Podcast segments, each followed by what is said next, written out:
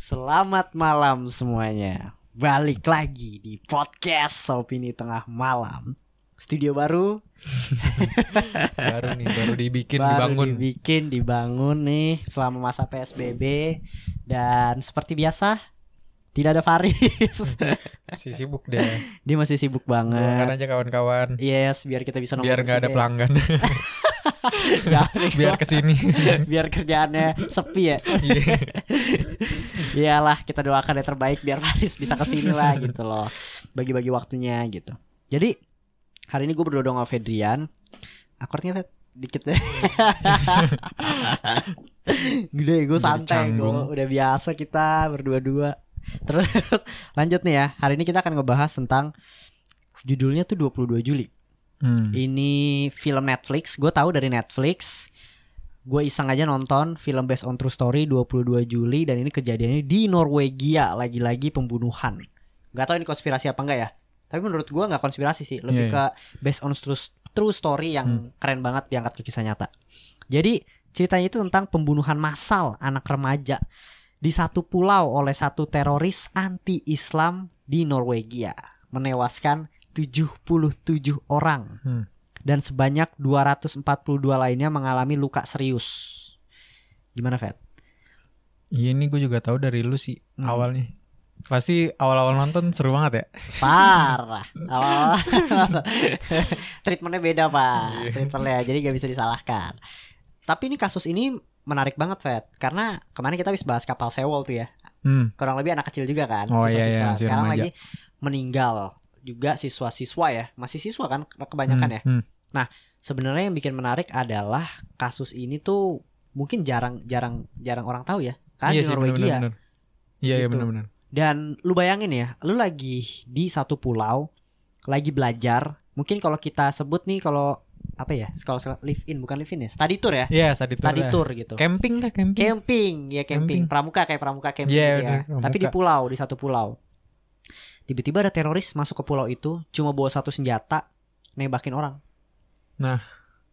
Nembakin sampai orang yang pura-pura mati juga ditembak. iya anjir itu full of terror banget full of terror banget dan dia kayak nggak ngerasa bersalah oke langsung kita bahas aja eh, pasang kacamata konspirasinya tetap open minded balik lagi di podcast opini tengah malam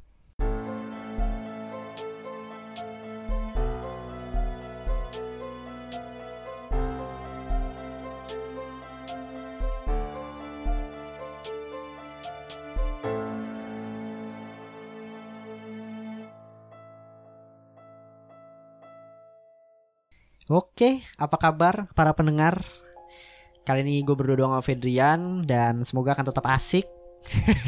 asik. Jadi kita akan ngebahas tentang film yaitu 22 Juli gitu. Nah, dan film ini tuh didirect sama Paul Greengrass. Paul Greengrass ini salah satu sutradara yang nyiptain Captain Phillips. Belum nonton loh Hmm, belum dan United 93 gitu. Kali ini dia mendirect 22 Juli dan ini menarik banget kasusnya karena menurut gua ini dokumenter yang 20 menit awal seru banget ya. seru banget ya. tegangnya dapat banget dah Tegangnya dapat Iya. banget dah. Lu gor abis kan orang ditembak-tembakin darah di mana-mana. Hmm. Tapi emang lu nggak bisa berharap lebih gitu karena sudut pandang di film ini adalah diambil lebih ke traumatik atau uh, after dari iya tragedinya Ya tra- tragedinya gitu. Jadi dia mengambil sudut pandang traumatik korban-korbannya dan di persidangan khususnya si terorisnya ini Hmm. gitu. Tapi lu pas nonton gimana? Lu skip pasti nih. Pas nonton mana? Eh gue nonton kan awal tuh ya. Nonton Hmm. awal tuh emang seru banget sih. Hmm. Kan tadi yang lu bilang terornya dapet ya. Berasa jadi kayak kejar-kejar anjir. Nah, ya? iya. Terus udah. Abis itu tuh baru tuh kayak ini kok di sini-sini doang gitu. Ntar scene teroris pindah ke scene anak yang trauma, ntar pindah lagi, pindah lagi gitu. Itunya sih gue skip sih. Lu skip Tapi ya? akhirnya sampai sidang baru dah. Tapi menarik nih, baru Pat. Menarik nih ya udahlah, bukan spoiler lah emang film dokumenter kayak gini. Oh iya. Yang pertama dia ngomong apa namanya? Nyaru jadi polisi kan. Hmm. Nyaru jadi polisi tuh gue pikir, ya ini film akan gimana sih nih gue kepo nih. Hmm. Nyaru jadi polisi ke pulau terus ditanya sama satu guru kan. Lu polisi, oh bagian ini ya kenal gak lu sama si ini gitu. Iya tuh udah aneh tuh ya. Oh iya udah aneh Terus boleh gak minta identitas lu Langsung dia ngeluarin senjata ditembak di kepala Gila gue langsung kayak wah gokil nih film bakal seru banget nih ya sih.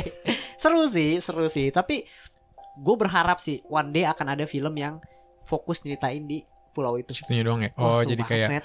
ngumpetnya gimana segala macem ya. Iya, sumpah itu kalau lu nonton di dokumenternya dia nembakinnya secara brutal banget kan. Iya anjir. Wah gila dah.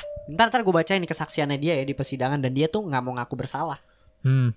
Gokil banget, gokil parah. Nih gue bacain nih ya.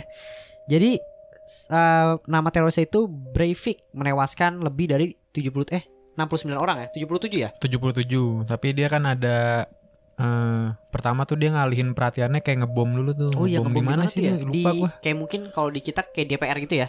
Iya dah DPR DPR Ah, benar benar DPR di bom. Boleh. eh bapak Kayaknya gua kerekam ya tadi. ragu gue D- DPR ibaratnya di bom nih di Norwegia. Terus dia kabur kan. Dia Iya. kabur ke pulau Mm, kan tuh masyarakat lagi panik tuh polisi juga lagi fokus ke ke, ke situ dia- dong iya, ke tempat sana. Mm. Dia kabur ke pulau, di pulau itu dia bantai. Tapi gua gak tahu itu rencana dia gak sih ngebantai di pulau itu, Fet? katanya sih rencana itu memang katanya tiap tahun tuh udah ada kayak camping gitu Bim. Oh, dia tahu. Heeh, tiap tahun eh, camping musim panas udah pasti diadain tuh di pulau itu tuh makanya Hmm, Oke oke oke oke. Berarti dia ngerencanain ini bener-bener mateng sih. Katanya tapi gue baca dia ngerencanain tuh 9 tahun, Pak. Tau gak lo? Iya 9 tahun yang sampai dibuat draftnya gitu kan Sampai katanya sih 1500 nggak tahu itu bener apa enggak ya Anjing, serius. Gue baru tahu. 1500 halaman Mau nulis apa aja anjir 1500 halaman Kayak Kayaknya SpongeBob anjing. Tulisnya di end doang anjing. Oke, ini gue bacain dulu ya. Jadi Breivik ini menewaskan lebih dari 69 orang, 77. Banyak dari korban adalah remaja yang sedang berkemah di pulau kecil Utoya. Ini adalah hari paling berdarah di Norwegia. Jadi ini udah salah satu apa ya? kelam untuk Norwegia lah. Iyalah Dilansir dari The Warp, sang sutradara The Grease tidak berfok Greengrass tidak berfokus pada saat kejadian berlangsung, namun lebih kepada keadaan menyakitkan yang tersisa setelah kejadian berdarah tersebut. Saya ingin membuat film yang tidak begitu kasar katanya. Adegannya maksudnya nggak gore lah. Hmm. Saya ingin membuat film yang tenang katanya. Pasti emang filmnya tenang banget ya. Sampai Iya, tidur tidur loh situ. dan bekerja dengan sekelompok aktor dan kru yang tidak saya kenal sebelumnya. Hal ini semacam memberikan saya ide-ide kreatif. Oh, jadi dia belum pernah main sama aktor-aktor Oh di baru film itu. tuh Wah, gokil sih. Hasilnya adalah film yang tenang dan tegas katanya. Tidak berfokus pada seorang serangan teroris, tapi pada dampak serangan uh, lebih ke psikis para korban Hmm, hmm. gitu. Ginges menyatakan dalam 100 tahun terakhir banyak film yang mencoba melihat pada masalah-masalah nyata yang sedang dialami dunia dan membeberkan kenyataan pada penonton dan hal itu yang coba ia lakukan. Gue setuju sih sekarang karena film-film sekarang itu kurang lebih gokil banget gitu ngambil-ngambil dari kisah nyata dibeberkan fakta-faktanya, Fet. Iya Iya kan? Dan Makanya juga kan kita bahas itu mulu kan tuh iya. Ted Bundy terus Yes, yes, yes, yes. Don't fuck with cats. Iya Iya, iya, iya, iya. ngetren ya Iya. Lagi ngetren. Jadi kayak eh, ini jadi salah satu film yang menurut gua wajib banget sih lu tonton karena sejarah sejarah banget di mana lu mungkin nggak tahu kejadian ini di Norwegia Iya, bener. khususnya 2011 Iya gue pun nggak tahu gitu nah Vet bacain deh Vet profil si ini nih. Si siapa namanya nih? Enders Oke ini jadi profil si yang ngebunuhnya nih. Namanya tuh adalah Anders Behring Breivik. Adalah seorang anak yang berasal dari keluarga broken home Lahir di Oslo pada 13 Februari 1979 Ayahnya Jen Breivik adalah seorang ekonom Norwegia yang bertugas di London. Sementara ibunya yang bernama Wence Behring adalah seorang perawat Kedua orang tua Anders bercerai sejak ia berusia satu tahun Akibat perceraian kedua orang tuanya itu, ia kemudian tumbuh dengan masalah kesehatan mental berdasarkan informasi dari pihak kepolisian. Eh, Anders diperkirakan telah melakukan rencana pembunuhan sejak 2009. Oh, yang tadi lu bilang ya. Ini 2009 ya Terus pada 2009 pada 2011 Anders pindah ke kota kecil bernama Rena dan mulai membuka bisnis pertanian yang bernama Breivik Geofarm. Ah, Ini pinter nih pak Ini pinter nih Nyamar ya? ah, Nyamar Enggak lo harus lihat nanti Lo harus tahu deh Baca dulu Fet Diketahui pada 11 Mei 2011, Breivik Geofarm membeli 6 ton pupuk.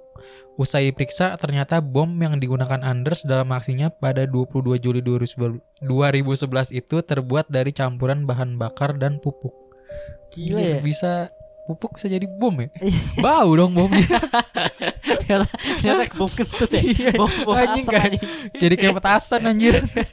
Goblok anjing tapi tapi emang eh, apa ya gua akuin dia pinter banget dia jenius banget sih Mhm. sangat-sangat jenius karena dia ngerencanain itu matang banget Fed sampai dia buka usaha pupuk selain buat duit ya untuk ngerencanain pembunuhan ini Iya sih. dia tuh kalau nggak salah ya dia tuh adalah neo-Nazi Nazi baru gitu Oh dia sempat ngelakuin gerakan Nazi ya iya di filmnya dia eh, dan dia tuh anti bang dia tuh pengen ngilangin apa ya kalau nggak salah ya salah satu agama ya? Mhm. di Eropa gitu, sa- Mhm. Muslim gitu dia Mhm. ngomongnya. Dan pokoknya dialah yang akhirnya meledakin bom dan dia dia tuh ngerasa menang di penjara tuh dia ngerasa menang. Dia ngerasa Mhm. kayak ya udah tugas gue segini aja, seenggaknya gue udah Mhm. ngasih teror ke lu gitu. Jadi ini orang-orang kayak gini tuh emang gila banget pikirannya gue nggak tahu kenapa. Dan dari profilnya juga jelas kalau dia itu dari keluarga broken home. Gitu. Kenapa selalu Iya. keluarga ya? Iya sih emang. Karena lingkungan terdekat kali Bim. Dari kecil ya? Mungkin Heeh. awal ya? Oh iya Heeh. sih awal sih. Iya bener-bener yang ngebentuk dia. Oke, gue bacainnya lang- langsung di peristiwa 22 Juli 2011 nih ya. Kayak yang Ferdian tadi udah bilang, Anders tuh merupakan pelaku penembakan massal dan pengeboman di Oslo pada 22 Juli. Gitu. Akibatnya 69 orang meninggal. 77 lah total ya sama Mhm. yang di ini ya. Anders juga menuliskan alasan mengerikan mengapa ia melakukan aksinya pembantaian tersebut gitu. Lebih dari iya bener Fed 1500 halaman pak. Iya kan? 1500 Bayangin lu. penuh. Apaan gitu ya si Dan isinya ujaran kebencian. Oh. Anjing lo. anjay nih. Aduh, jangan. kan anjay nih Fed. Oh, iya. apa-apa gue. Dan Breivik ini juga menyatakan perang terhadap umat Islam katanya. Mhm. Selain itu ia juga bersumpah akan menjatuhkan peradaban negara-negara barat pada 2083. Si hidup loh. Gaya banget tadi 2083. Ada si Anders ya. Eh. Ada fakta menarik nih Anders si anjir Kenapa? yang gue baca. Apa? Jadi katanya kan dia ditahan kan seumur hidup. Ah. Tapi penjaranya bagus anjir katanya. Tahu nggak lu? Norwegia, Fed. Ada PS kalah rumah gue. Gak ada PS gue. Dia ada PS lu. Buset. Ini, GTA lagi ya. Oh iya jadi ya. ini, ini GTA ini. Bintang 5 ya. Oh, bintang 6. Anjing gue baru tahu, gue baru tahu tuh. Tapi emang setahu gue harusnya mungkin kalau kita kenapa nggak dihukum mati aja sih ini orang kayak gini. Iya loh. Padahal banyak kan gila sih itu 70. Terus membunuhnya sadis lagi ya. Tapi Fed katanya di Norwegia tuh nggak ada hukuman mati, Oh enggak ada deh. seumur hidup doang. Oh. Itu yang terberat. Tadinya yang paling ngeselin lagi adalah dia itu pengen dimasukin ke rumah sakit jiwa. Iya ya, udah kayak Udah berhasil pak, Hmm. tapi dianya nggak mau karena dia ngerasa gue abis ngebunuh semua dan gue ngakuin kalau gue punya penyakit mental gitu kayak dia ngerasa kalah. gue ngerasa kalah gitu. Hmm. Gue tujuan gue adalah di penjara seumur hidup gue menang. Hmm. Kayak gitu. Gue lanjut dulu nih ya. Tulisan ini dikirim ke 5700 email dengan judul 2083 A European Declaration of Independence gitu. Dapat emailnya nggak, Pat? Masuk ke spam kali. Spam anjir. Belum gue baca sih, belum gue cek. Namun setengah tahun kemudian, eh setahun kemudian ia dijatuhi hukuman penjara selama 21 tahun. Tetapi hukuman itu bisa diperpanjang lagi jika ia masih dianggap berbahaya dan mengancam publik. Selama di penjara ia mengganti namanya dengan Fjotov Hansen. Ia juga menggambarkan dirinya sebagai neonazi tradisional yang menyembah dewa Viking atau Odin. Gitu. Jadi mental sih menurut gua. Hmm. Menurut lu gimana nih sejauh ini? Dia sakit mental apa kagak? Iya, Kalau gue emang emang dia berbeda pendapat dah. Terus cara ngekspresinya gitu tuh si Hmm. goblok. tapi tepat Kalau kata Tepat Faris nggak sih si goblok. kita bahas ini lagi kondisi kayak gini. Oh, iya juga. Tapi kan Norwegia ya, Iya Norwegia sih. ya. Ya harusnya nggak apa-apa sih. Iya nggak apa-apa lah. Coba biar, ya biar tahu dampaknya. biar tahu, biar lu nggak jadi eh maksudnya udah orang-orang yang kayak Befrik tuh. Nah, asli. dampaknya karena buat keluarga korban pas ditonton Wah gila sih. traumatis Wah, anjir. gila banget gila. Model kayak kapal sewa lah, Fet. Hmm, hmm. Gitu kasihan banget. Dia sampai yang nelpon ibunya kayak itu kan anak kecil kan yang nelpon yang kayak ada pembunuh ya Iya di iya sini. iya. Itu gila banget sih. Nah, rencananya nih sekarang nih. Anders mengaku telah merencanakan pembantaian pada 22 Juli 2011 itu selama 9 tahun gitu. Aksi pertamanya adalah dengan meletakkan mobil yang berisi bom di luar markas pemerintahan Oslo. Bener lah, kurang lebih kayak uh, pemerintahan Oslo Iya. sana. Dari peristiwa itu 8 orang meninggal dan puluhan luka-luka. Setelah itu ia kemudian menggunakan menggunakan pakaian polisi dan pergi ke Pulau Otoya dengan menembak nembak 69 orang. Cara brutal. Ini gokil sih. Korban kebanyakan adalah remaja. Pulau tersebut merupakan tempat yang diselenggarakannya kemah musim panas untuk para pemuda. Hmm, hmm. Gitu. Jadi kayak wah gila. Gue pas nonton awalnya kayak anjing. 2011 umur kita berapa sih? 2011 itu Enggak ya, belum- belum nyampe situ ya? SMP, SMP. Belum nyampe itu SMA nih. SMP kelas 3 dong. SMP kelas 3. 2, kelas 2 semester 2 sama kelas 3 semester 1. Pokoknya SMP ya. Berarti udah SMP. seumuran kita anjir tuh. Beda-beda dikit. Gila ya. Coba lu kalau gitu di, di kemah lu. Lu lu Nah, pura-pura iya, tadi mati gue nggak? juga, juga mikir sih kayak gitu Apa? kayak anjing ini kalau gue gimana ya. Sebenarnya lari gue cepet Bim. Cuman hoki gue kecil anjir. gue takutnya kena kena peluru nyasar.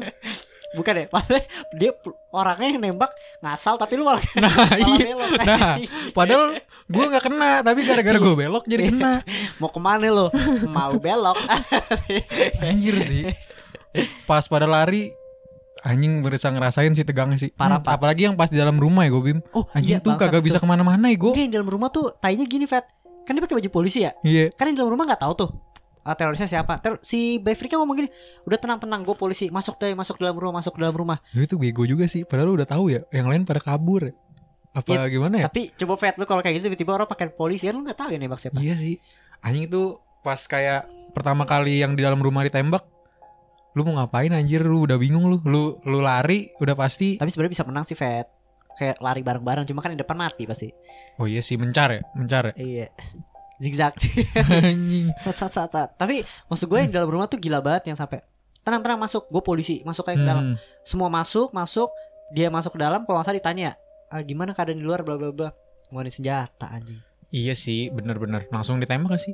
Tembak terus ada satu lagi korban yang pura-pura mati pak Iya ya, gue gue tahu tuh yang, Yang dua ce- cewek cowok ya. iya anjing dia tuh dia kayaknya sebenarnya dia nggak tahu Fat itu dia mayat Hmm, apa bukan hmm. tapi karena ya udah tembak aja tembak aja tembak aja Iya bener dah. Kayaknya emang ya udah dah. Yang penting bunuh sebanyak banyaknya dah. iya dan ada yang paling ngeri tuh yang pas di bawah ini pak yang di bawah bawah tebing, Hmm, hmm. yang di bawah tebing tuh yang anjing Itu ini udah di ujung. nih? Tapi gue baca katanya ada yang sampai berenang sih Bim. Terus ditembakin. mati ya Ah itu gue nggak tahu. Ih, kalau- Jadi dia berenang. Hmm. Tapi ditembakin dari jauh. Tapi kayaknya mati Kalau di. GTA sih hidup Oh, ya. Jelem ya Iya. Film ya, ya udah nggak apa-apa, napas sedikit baru naik lagi. Tapi kasihan sih salah satu korban tuh yang peran utamanya mungkin ya. Hmm. Ketembak lima kali kan? Di mana Fat? Iya, iya. di kaki, Pertama di kaki tuh. kaki. Terus kayaknya bahu dah. Bahu, Bahu. segala macem. ta- sama terakhir di pas deket mata. Iya iya iya. Tapi meledak pelurunya kan pas di Ah. mata. Jadi matanya buta setengah. Gitu. Hmm, sih. Dia salah satu yang paling traumatik di situ diliatin ya. Iya itu dia yang jadi Ah, ah. aktor utama. Tapi itu lu kabur apa ngelawan Bim? Gue gue kabur lah, Pak. Iya sih kabur ya. Ngelawan juga pakai bunuh apaan? diri kali ya? Anjing goblok. Padahal belum tentu meninggal ya. Iya.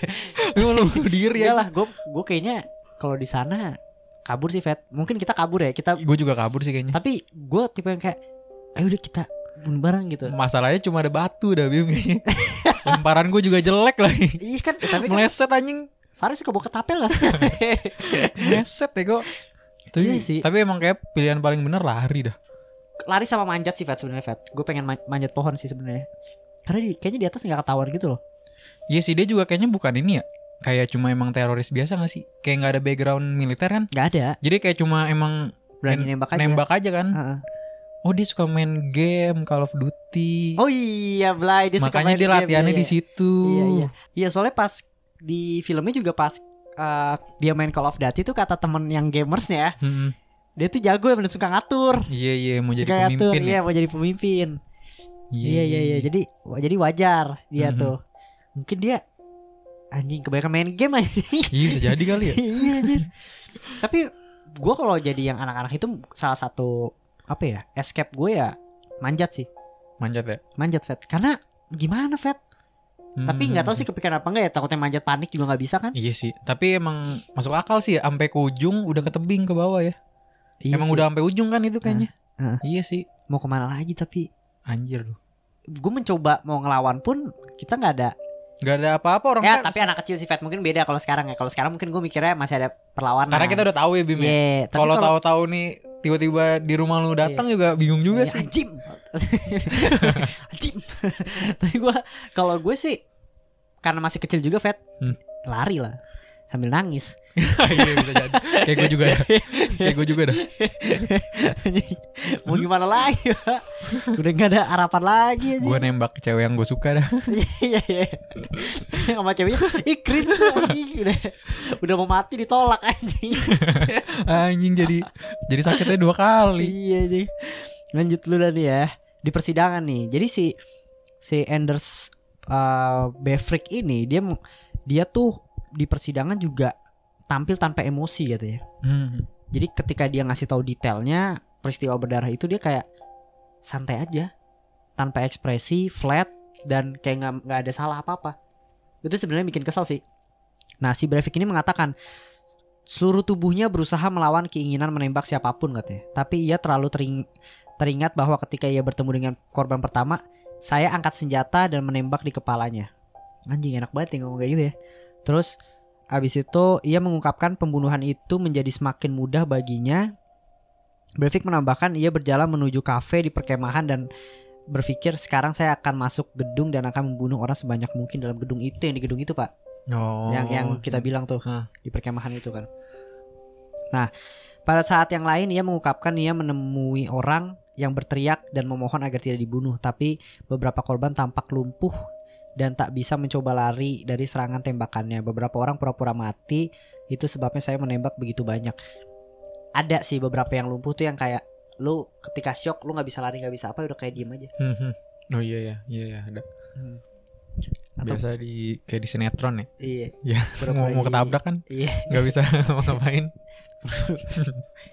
Tapi gimana ya udah pura Eh gue gak bingung Gue bingung nih Gue gak ngeledek korban sih ya Tapi maksud gue Lu bakal ber- berpikir gak sih pura-pura mati Vet? Kalau udah kepepet mungkin ya Iya sih kalau udah kepepet. Sama itu kayak si ini kan di filmnya kan ada tuh kayak udah deket, tapi kalau kabur kayaknya kelihatan. Jadi pura-pura mati, Wim. Oh samping mayat Iya. Jadi kalau dia lari, dia bangun lari, kelihatan tuh bajunya kan, pasti ditembakin dong. Hmm, Jadi makanya dia pura-pura mati sih.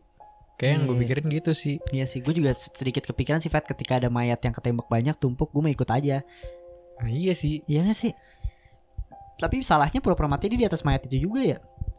Kalau di film sih Ketembak Hmm. langsung. Gitu. Dan lanjut lagi nih. Nah sebagian besar orang yang tewas di pulau itu adalah remaja peserta perkemahan muda partai buruh yang berkuasa di Norwegia.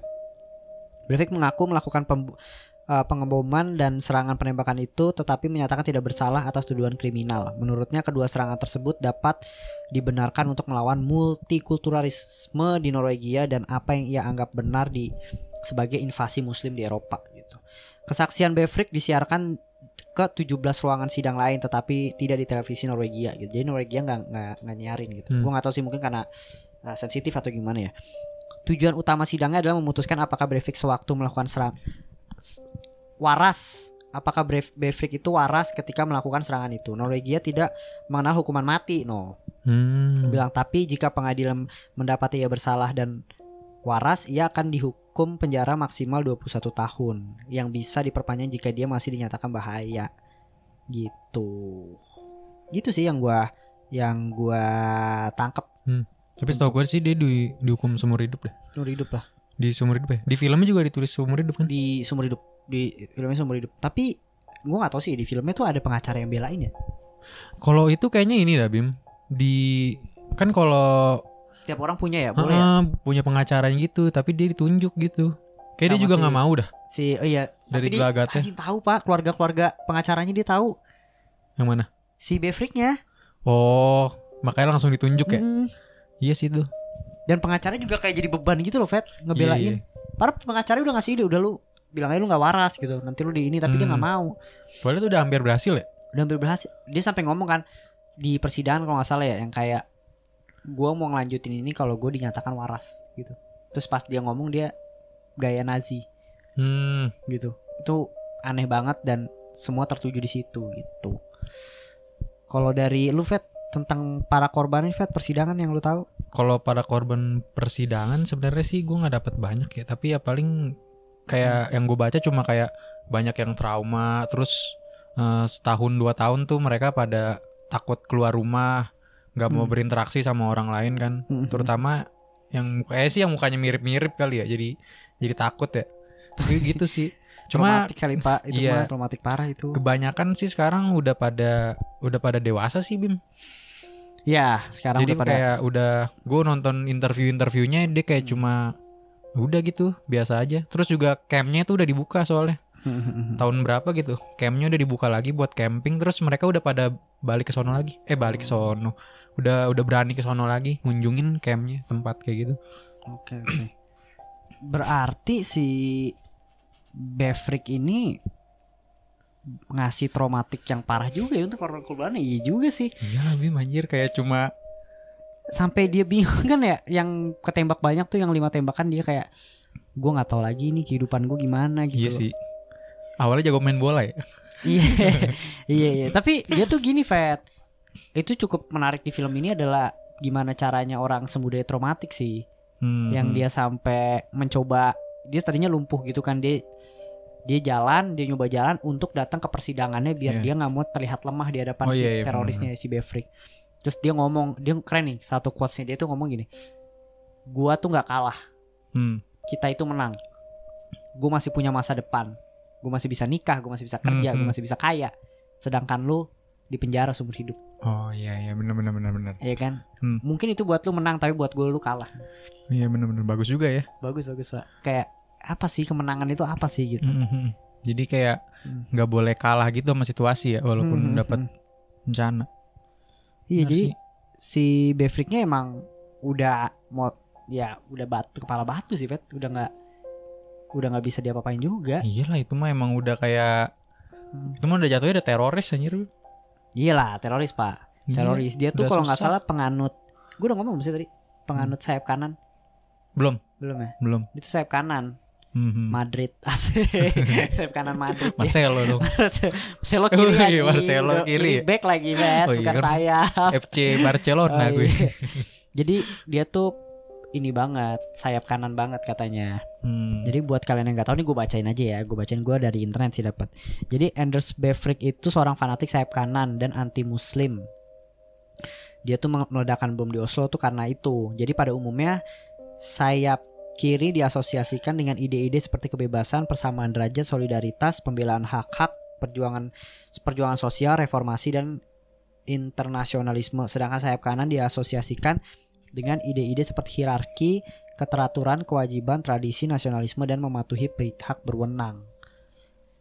Gitu jadi dia ngerasa gue kurang paham sih ini masalah ideologi gue juga kurang Mhm. paham cuma dia lebih ke katanya sih lebih ke sayap kanan Hmm. Eh, tujuannya ya dia ngerasa pemerintahan Norwegia tuh kurang maksudnya Iya. dia nggak setuju dan dia pengen ngubah tataan di benua Eropa khususnya Hmm, hmm. gitu mungkin dia mau nyiptain kayak Nazi baru gitu tapi ya bisa tujuannya dia full of terror nyebarin dan dia bilang juga masih ada banyak orang kayak gue di luar sana gitu Hmm, hmm. Jadi Nah. gitu ya iya benar gitu apalagi gue nggak tahu sih sebenarnya dengan adanya film ini dengan dengan di kasus ini serba luaskan ya sebenarnya positif negatif positifnya kita tahu nih sebenarnya kan tapi negatifnya adalah bisa sebenarnya bisa memacu orang-orang yang model kayak dia tuh bibit-bibit kayak dia gitu loh Bet.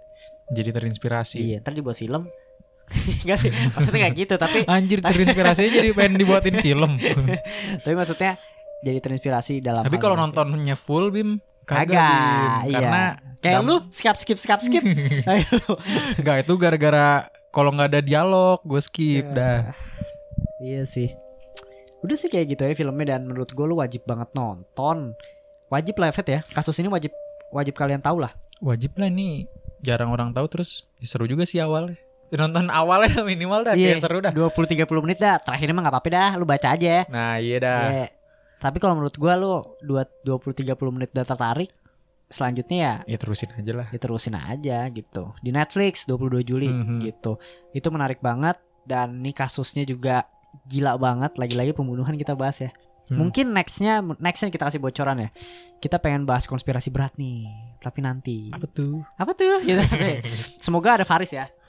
Harus sih, Ada lah, harus ada, lah, ada, harus, ada, harus. Kita janjikan ada Faris untuk konspirasi berat. kalau dapat seribu like Asik kalau kita seribu. munculin Faris Kita munculin Faris in frame gitu, tanpa dialog. Enggak, tapi seriusan. em, konspirasi berat kita akan munculin ya, Fet. Hmm.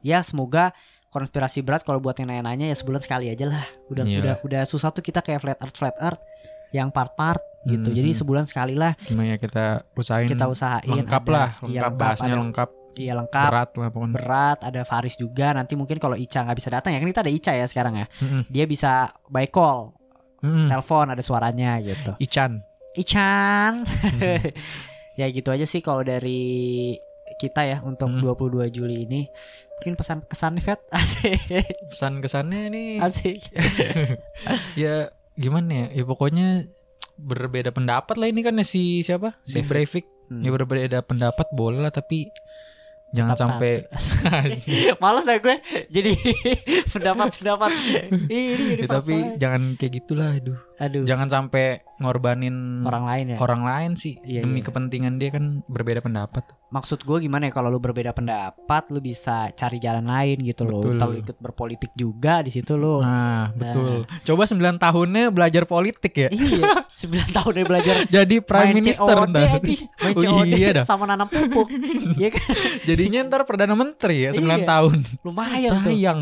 malah nyiapin 1500 kata kebencian disebar ke Anjing, email 1500 lu Bim. gue yakin juga masih ada tuh email masuk ke dia email failure gagal kirim email tau gak gagal kirim email Koneksinya lemot ya. iya gila tuh tapi gue nggak tahu sih ibunya ditangkap gak sih So gue ibunya enggak deh. nggak nggak ketahuan ya maksudnya ibunya juga nggak tahu ya Apanya?